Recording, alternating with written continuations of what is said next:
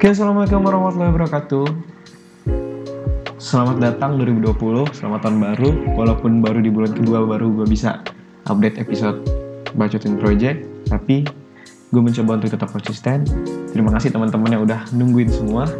Balik lagi bersama gue tentunya Arif di sini. Di mana lagi kalau bukan di podcast kita semua Bacotin Project, more than just bacot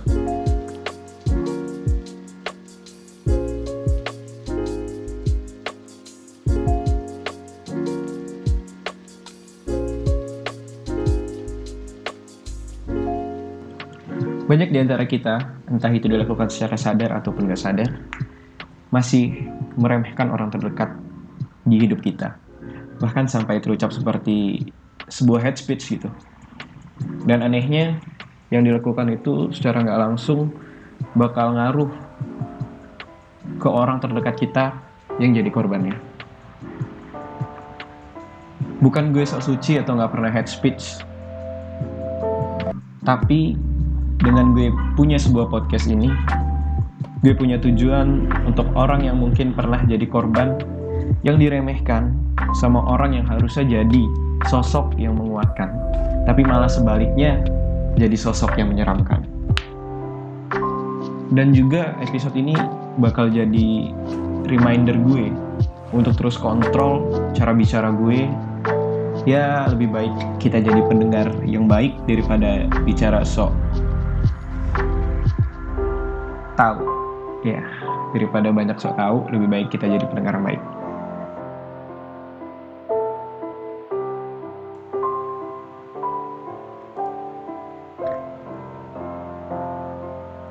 gue punya satu cerita dari temen kita Agnes ya. Agnes ini temen gue yang rela menceritakan hal berat ini untuk kalian semua untuk apa? untuk kita semua yang bisa aja suatu saat nanti jadi korban atau malah tanpa sadar kita bisa jadi orang yang meremehkan. Jangan sampai ya. Langsung aja kita dengerin kui cerita dari Agnes. Ini dia.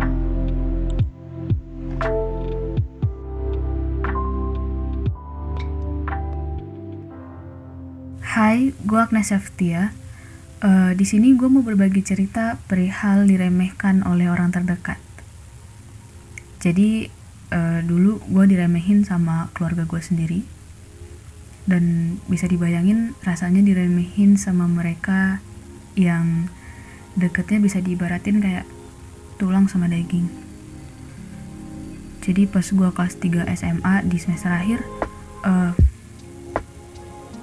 kalau nggak salah itu tuh masa di mana kita udah harus tahu prospek kita tuh apa. Mau jadi apa selanjutnya gitu kan. Pada saat itu gue milih untuk lanjut ke universitas yang letaknya nggak di Bandar Lampung alasan utama gue kuliah di luar kota uh, karena gue mau cari atmosfer yang beda. Gue nggak mau monoton di sini. Gue mau uh, berpikir dengan apa ya sesuatu yang baru gitu. Terus gue cari tahu jurusan yang sesuai dengan bakat gue alhamdulillah bakat gue tuh cuma gambar sama kerajinan tangan mungkin selepas dari itu gue bodoh. Parah sih. Sampai akhirnya gue tuh nemuin universitas uh, beserta jurusan yang gue mau. Terus gue cari tahu sedetail mungkin biaya. Terus setelah dari kuliah itu gue bakal jadi apa. Itu gue cari tahu semuanya. Next gue beraniin diri buat uh, bilang sama keluarga kalau gue mau kuliah di luar kota. Nah mereka gue kasih option yang udah apa gue pilih gue pikirin. Terus mereka tinggal bilang setuju atau enggak. Dan sialannya gue malah dapet kontra dari keluarga gue mereka bilang ngapain kuliah mahal? Jauh. Kalau nanti nggak jadi apa-apa. Kuliah di luar itu nggak mudah. Masuknya juga susah. Terus nilai kamu tuh harus tinggi belajar aja males malah mau kuliah di luar. Mereka bilang gitu. Ya terus gue hening dong mikir. Ini gue nyesel banget dah ngomong sama keluarga gue sendiri. Kayak gue nyari universitas itu cuma-cuma banget. Gue nyampein ke mereka terus mereka bilangnya kayak begitu. Patah semangat jatuhnya abis itu gue bilang ke mereka gimana kalau kuliah arsitektur?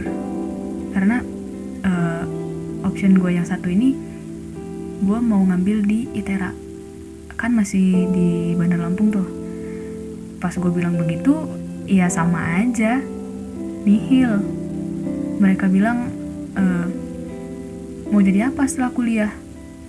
Susah cari kerja lulusan arsitektur katanya anjir kata gue e, sulit juga ternyata untuk dapat persetujuan. Tiba-tiba gue kepikiran seni rupa di Universitas Negeri Jakarta UNJ tuh ya. Uh, gue sampein lah ke mereka bahwasannya gue mau jadi uh, guru seni rupa kan pendidikan tuh. Terus nyokap bilang jadi guru di sini aja belum tentu keterima apalagi di kampus Jakarta ah gila nggak tuh? Kayak gue diremehin diremehin lagi. Diremehin yang ya ya kedua kalinya lah ya. Gimana ya? Uh, kalau emang nggak setuju nggak mengizinkan harusnya kan bisa pakai kalimat yang lebih memotivasi atau uh, bisa juga ngasih saran gue harus jadi apa gitu. Bukan kalimat yang matahin semangat seseorang untuk belajar. Kayak itu jangan yang nggak sampai satu paragraf cuma dampaknya kuat banget. Itu pandangan gue pribadi ya. Uh, dan terlepas dari apa yang dibicarakan pada saat itu gue tetap bergerak sendiri. Syukurnya gue bukan tipe orang yang hidup harus dengan dukungan. Kalau ada dukungan ya bagus. Kalaupun gak ada dukungan ya it doesn't matter for me sampai akhirnya gue daftar UNJ gue ikutin persyaratannya. Kalau nggak salah dulu persyaratannya itu ngegambar ilustrasi demokrasi sama orang yang belajar di atas meja. Di situ gue mikir gue ini nggak sehandal itu buat gambar gitu kan. Karena gue nggak pernah gambar orang. Sedangkan di sini gue kudu gambar orang terus gue usaha dua hari itu ya gue usaha gambar dan nyatanya gue bisa terus gue scan gue uh, kirim ke UNJ nya dan gue keterima SNMPTN satu-satunya siswa perempuan jurusan IPS yang keterima SNMPTN di luar kota. Dan menurut gue itu pencapaian yang patut dibanggakan. Dan gue tuh excited banget sama itu. Berbalik berbalik banget sama keluarga gue. Mereka lempeng banget anjir. Mereka bilang kamu keterima pun gak akan kuliah di sana. Udah kamu tuh kuliah di sini aja. Kamu tuh boros dan juga nggak akan bisa hidup di luar tanpa keluarga. Mereka bilang gitu. Gila sih ini parah. Diremehkan lagi nih gue untuk ketiga kalinya ya kan uh, pada saat itu gue pengen banget berkata kasar. Cuman ya nggak etis banget gitu. Gue jadi anak durhaka cuma karena gue ngebantah. Mereka ngeremehin gue kemudian gue buat pembuktian dengan cara keterima UNJ lewat SNMPTN terus gue diremehin lagi dengan kalimat yang gak sesuai fakta mereka bilang gue boros. Sedangkan gue tuh anak yang dikasih uang syukur gak dikasih uang juga ya gak apa-apa gue gak minta dan gak maksa. Dan pada saat itu gue sempet nangis. Ya lemah sih ya wanita wajar gitu kan. Ya apa yang gue pengen itu nggak kesampaian. That's why gue nangis dan sebel aja gitu udah sebel sendiri sama apa ya keluarga gue.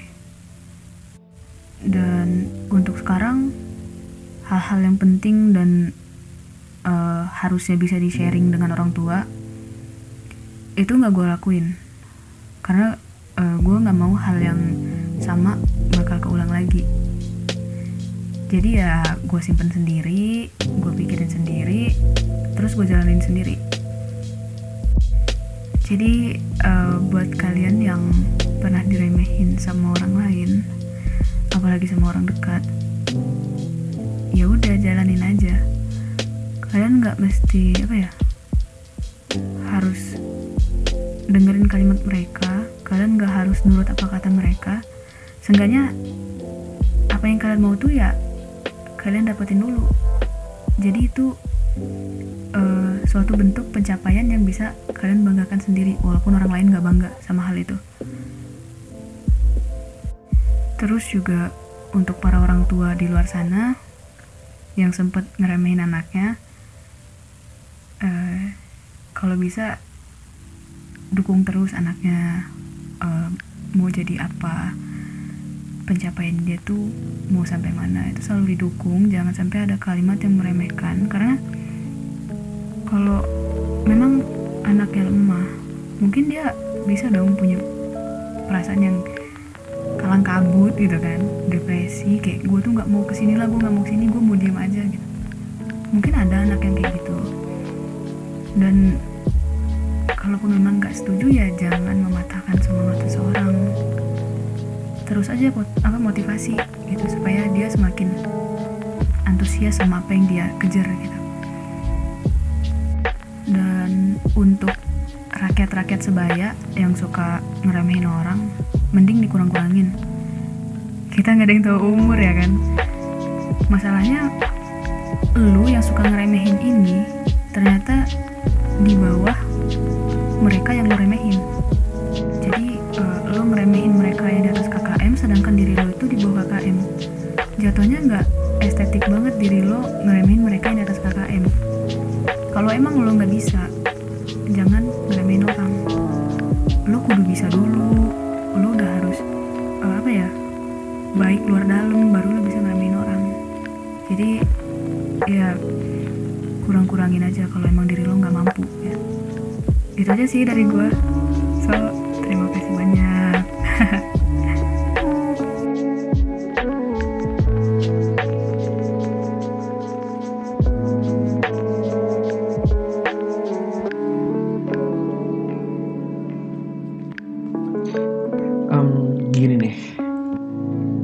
aja masalah ini secara general pernah dirasain gitu. Sama remaja yang mau beranjak dari masa SMA mau masuk ke dunia yang lebih bikin kita lebih mateng lah. Perkuliahan langsung kerja ya itu semua pilihan. Ya semua itu tujuannya untuk sebenarnya untuk cari jati diri sebenarnya. Gitu.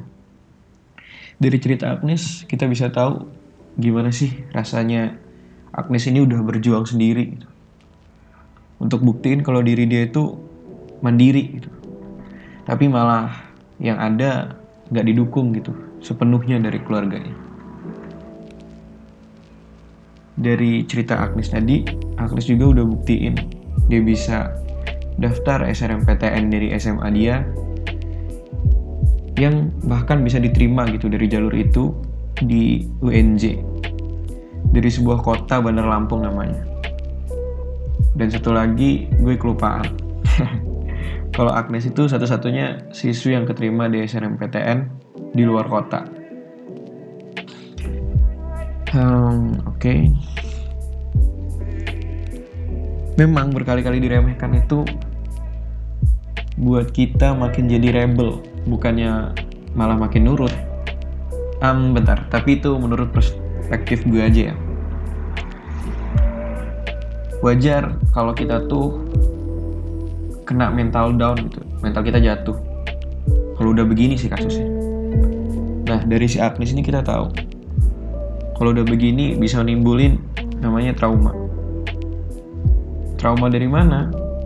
Karena tempat kita cari motivasi dari orang terdekat kita itu malah malah nggak dukung kita gitu. Lu bakal trauma untuk cerita lagi gitu. Ya Agnes tadi udah bilang dia udah sedikit trauma lah yang gue tangkap. Oh iya gue ada sedikit tips nih walaupun mungkin bakal kalian anggap tips ini nakal gitu ya atau gimana. Nah um, lu cuma harus buktiin hasilnya tanpa perlu kasih tahu prosesnya ke orang-orang terdekat lu apalagi keluarga khususnya khususnya orang tua lo. Sepengalaman gue orang tua itu cuma mau anaknya survive di kehidupan yang nyata. Orang tua nggak mau anaknya tertatih dengan kerasnya kehidupan. Tapi menurut gue itu sih salah. Lebih baik lo lakuin hal yang menurut lo itu jadi kelebihan lo. Dan lo udah tahu kelebihan lo di mana lo fokusin aja di situ kalau gue sih percaya kalau lo fokus dan di mana kelebihan lo lo bakal bisa gitu nanti kalau udah ada hasilnya lo tunjukin deh tuh hasilnya itu ke mereka Insya Allah mereka akan setuju dengan jalan hidup yang lo pilih. um, buat teman-teman di luar sana nih yang secara sengaja ataupun nggak sengaja masih sering kelabasan untuk hate orang lain lebih baik dikurangin deh. Atau jangan dilakuin lagi. Gue berharap sih jangan dilakuin lagi. Mumpung masih muda kan ya. Banyak-banyak lah lakuin kebiasaan baik. Karena kalau kebiasaan baik udah dilakuin sedini mungkin kemungkinan akan terbawa sampai kapan pun kebiasaan baik itu. Dan lu bakal jadi orang baik gitu. Gue bilang begini bukan berarti gue baik gitu. Kita sesama manusia, ya udah saling mengingatkan aja. Kalian gak sadar gimana rasanya jadi orang yang diremehkan. Padahal harusnya kita tuh jadi orang yang menguatkan. Ya emang terkadang kita tuh gak tahu kalau kita jadi sosok yang diharapkan orang lain untuk menguatkannya. Tapi setidaknya kita sudah melakukan kebaikan. Ya walaupun nanti di akhir mau diterima atau enggak kebaikan kita itu ya balik lagi sih. Kalau udah baik ya nggak bakal ada yang tersakiti lah. Kalau udah baik nggak bakal nge-head. Nggak ada kata head, head speech yang lo bakal ngeremehin orang tuh nggak ada kalau lo baik. Lagi-lagi kalimat kayak tadi itu gue ulangin terus itu cuma biar jadi reminder kita semua. Semoga kita terus bisa konsisten untuk nggak lagi melakukan bullying, hate speech, bahkan langsung meremehkan yang bisa menjatuhkan mental. Jatuhin mental tuh bisa nimbulin yang namanya trauma.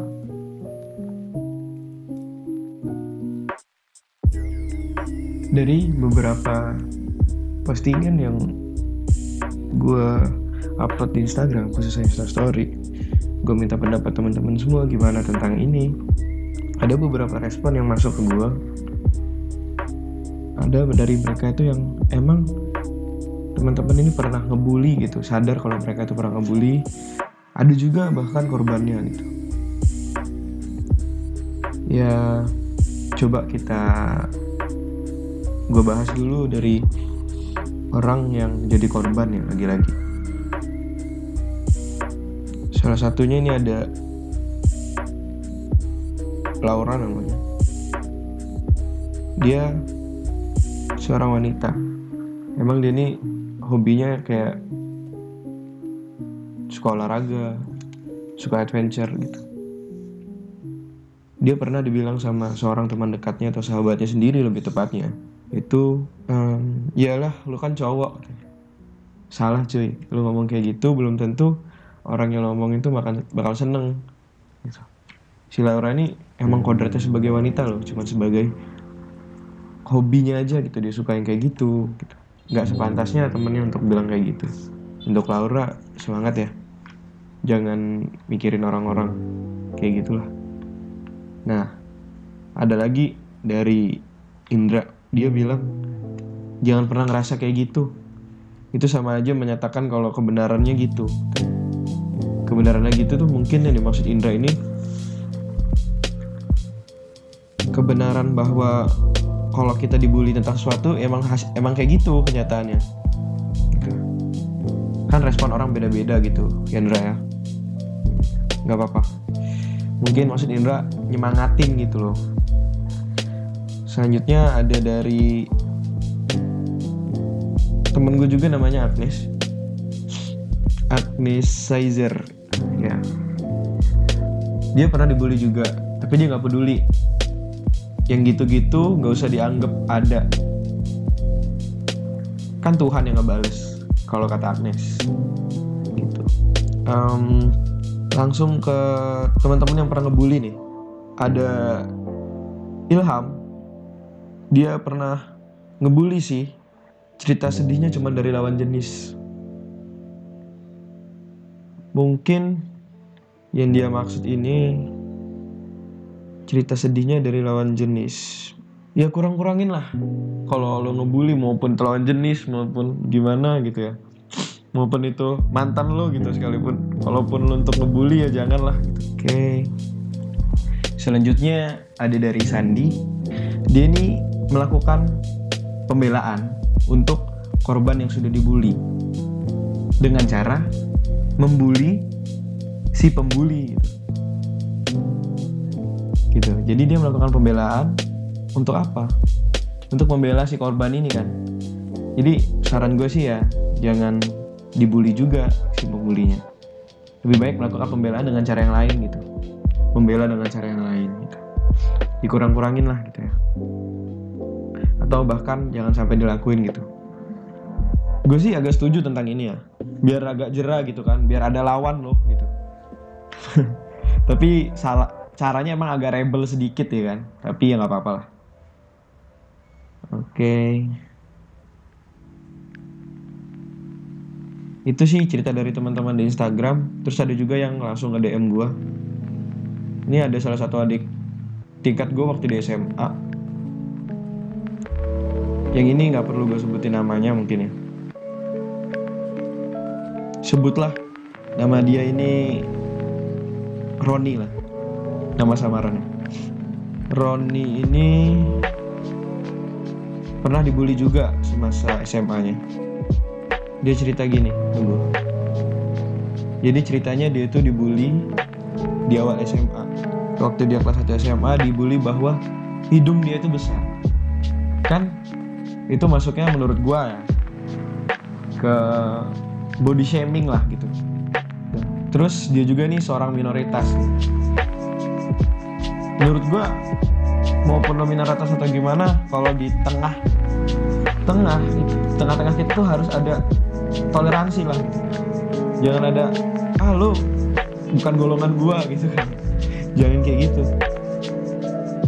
Um, jadi di agama dia cerita di agama dia itu diajarin untuk nggak ngebales apanya walaupun dibully orang kayak gitu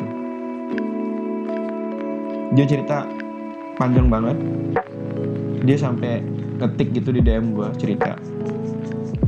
Tapi kesimpulannya yang dia dia bisa dapat itu untuk pengalaman dia.